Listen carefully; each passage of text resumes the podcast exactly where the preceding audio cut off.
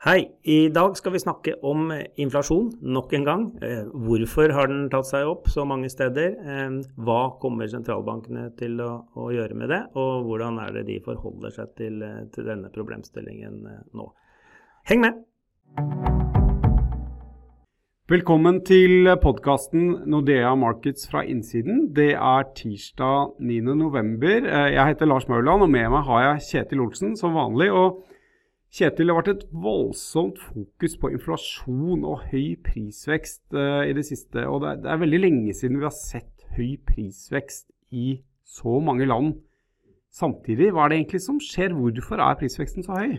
Uh, jeg tror det er tre, kanskje fire ulike faktorer som spiller inn samtidig her nå. Um, for det første så må vi huske på at etterspørselen er ganske kraftig om dagen, og den har vært veldig høy etter varer gjennom hele pandemien. Um, man har skiftet fra tjenester til varer, og vi har sett det ikke bare i Norge, men i alle land, at uh, vareetterspørselen har vært skyhøy gjennom hele pandemien. Uh, og den kommer til å holde seg høy lenge også, fordi nå normaliserer folk eh, sin atferd, sin spareatferd. Spareratene går ned. Det gir en voldsomt boost i privat forbruk.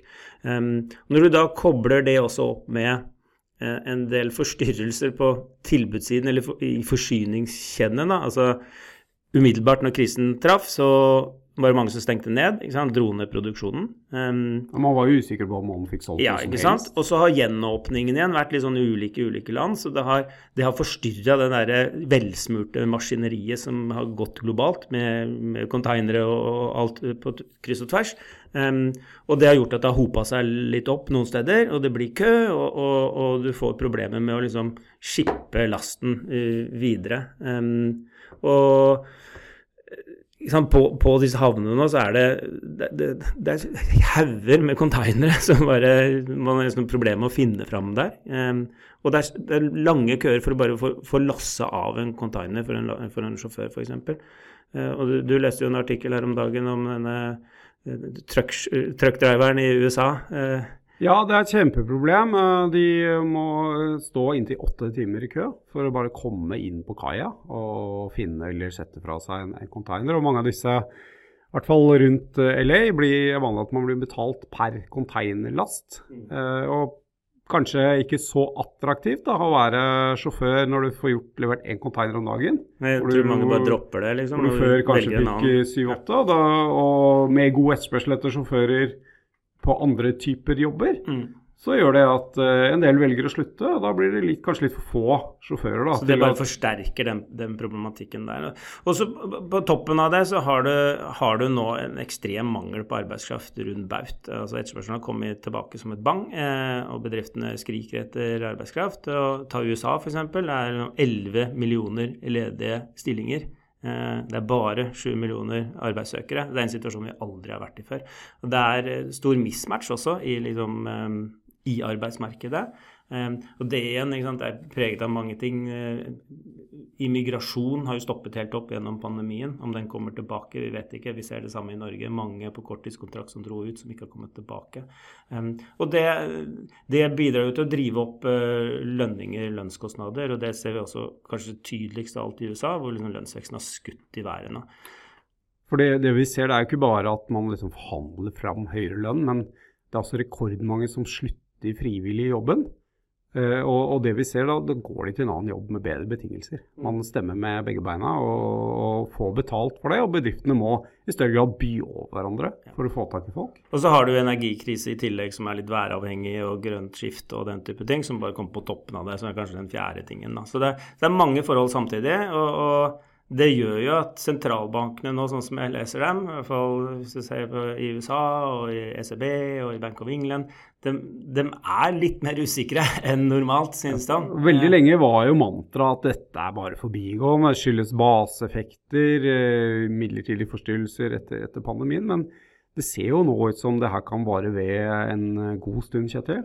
Ja, og ikke minst nå ser vi at det tyter ut i stadig flere priser. Eh, og ikke minst forventningene, lønningene kommer opp, og det begynner å sette seg. Så, så det er kanskje, altså den, den, usikkerheten som sentralbankene nå føler på, den, den, ser vi jo kanskje også i markedet. Det har ganske, ganske enorme markedsutslag, særlig de korte rentene nå de siste ja, ukene. Ja, voldsomt de siste ukene i, i, i, mange land. Kanskje land vi ikke snakker så mye om, da. Men uh, Australia, New Zealand, Canada, men også i, i Storbritannia. Uh, veldig store bevegelser.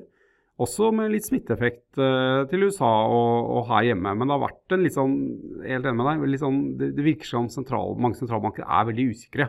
Kommunikasjonen er litt sånn flagrende, og kanskje uh, Bank of England er kanskje det beste eksempelet på det, det Kjetil. Og vi har jo sett en, en voldsom bevegelse opp i rent, korte renter, oppover ett prosentpoeng i UK, og så bang ned forrige uke. Hva er det som, var skjedd ja, der? Liksom, sentralbanksjefen var jo ute og styrte forventningene opp, i hvert fall sånn markedet leste de uttalelsene han kom med da, for noen uker siden. Og Så kom rentemøtet nå i forrige uke, og så var det ganske klar overvekt at nei, vi skal holde renta i ro, mens markedet hadde forberedt seg på at her kom det en renteøkning. Um, og da datt rentene kraftig i etterkant av det, og, og han sentralbanksjef Bailey var ute etterpå nei, det var ikke hans jobb å styre markedsforventninger og sånn. så det er bare en illustrasjon på at eh, de prøver seg å prate litt, og så får du store markedsutslag, og så um, blir sentralbankene litt usikre. Og, og, det de, sånn som jeg opplever dem nå, at de prøver å guide egentlig minst mulig, fordi de vet ikke, rett og slett ikke um, de, de, har ikke liksom den planen klar, for de vet ikke hvordan dette spiller ut. Da. Og de er blitt mer usikre på om den inflasjonen fester seg eller ikke, og hvorvidt de må trå til litt hardere eh, lenger der ute. Mm. Ser vi på Fed, så har jo de allerede gjort et ganske stort skift i måten de, de kommuniserer på og hva de legger vekt på. Så Vi skal ikke lenger tilbake til mars før de sa at vi skal ikke engang tenke på å tenke på å røre denne ekstremt ekspansive eh, pengepolitikken. I juni så var storyen litt annen. Da skulle de snakke om og snakke om det. Og, og nå har de jo allerede begynt å trappe ned støttekjøpene nå eh, på, på rentemøtet i, i november. Og, og med den måte, usikkerheten som råder nå, da, og, og med utsikter til fortsatt høy og høyere prisvekst kanskje det neste kanskje året i, i USA Hvert, spesifikt, da, hvert fall. Uh, så, så, er det grunn til å tro at den, det vi hører, får høre fra Fed, det, det, høres ganske annerledes ut om et halvt år. Ja, jeg tror, tror i hvert fall ikke vi skal høre for mye på hva de sier nå, for de sier egentlig veldig veldig lite. Sånn at det, det blir mer opp til um, oss som markedet å prøve å gjette på hvordan tror vi utviklingen blir og, og i lys av det gjette på hvordan da sentralbanken eventuelt kommer til å endre seg. Så vi, vi er vel ganske overbevist om at vi får en ny sånn retorisk skifte fra, fra eh, Fed eh, i løpet av det neste halve året, og at de kommer med en første renteøkning allerede i juni. Og at de speeder opp denne nedtrappingsprosessen også underveis. Eh, nettopp fordi på en måte ledigheten kommer til å fortsette å dunke nedover. Prisveksten, inflasjonen, fester seg ganske høyt og kommer til å stige videre de neste månedene nå. Eh, og du får tall på liksom 5 og 6 så det er veldig veldig mange år siden vi har hatt de tallene der. Eh, det fester seg inn i forventningene, lønnsdannelsen. Så, her, så vi, vi, har nå en prognose på tre renteøkninger i USA neste år. Um, og, og, og, det er jo ikke overhodet noe sentralbanken selv ser for seg at de skal gjøre.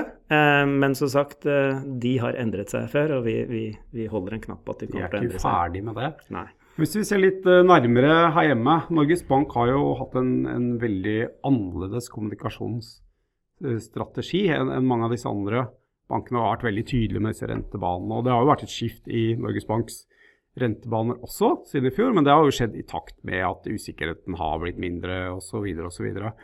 Og fokuset her hjemme, føler jeg, i hvert fall fra, fra Norges Bank, da, på inflasjon, det har ikke vært noe, sånn, noe de har snakka så veldig mye om.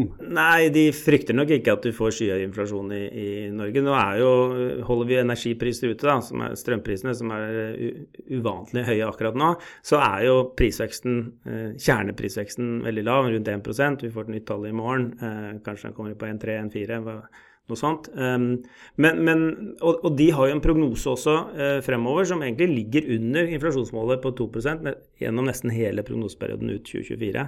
Klatrer oppover, men, er på, liksom, på nedsiden. Så Det har vært utgangspunktet uh, deres. Men, men, likevel setter de opp rentene, fordi, for det er veldig god kok i økonomien. Uh, ledigheten faller ned under et normalt nivå. Så de, de, er happy med den avveiningen.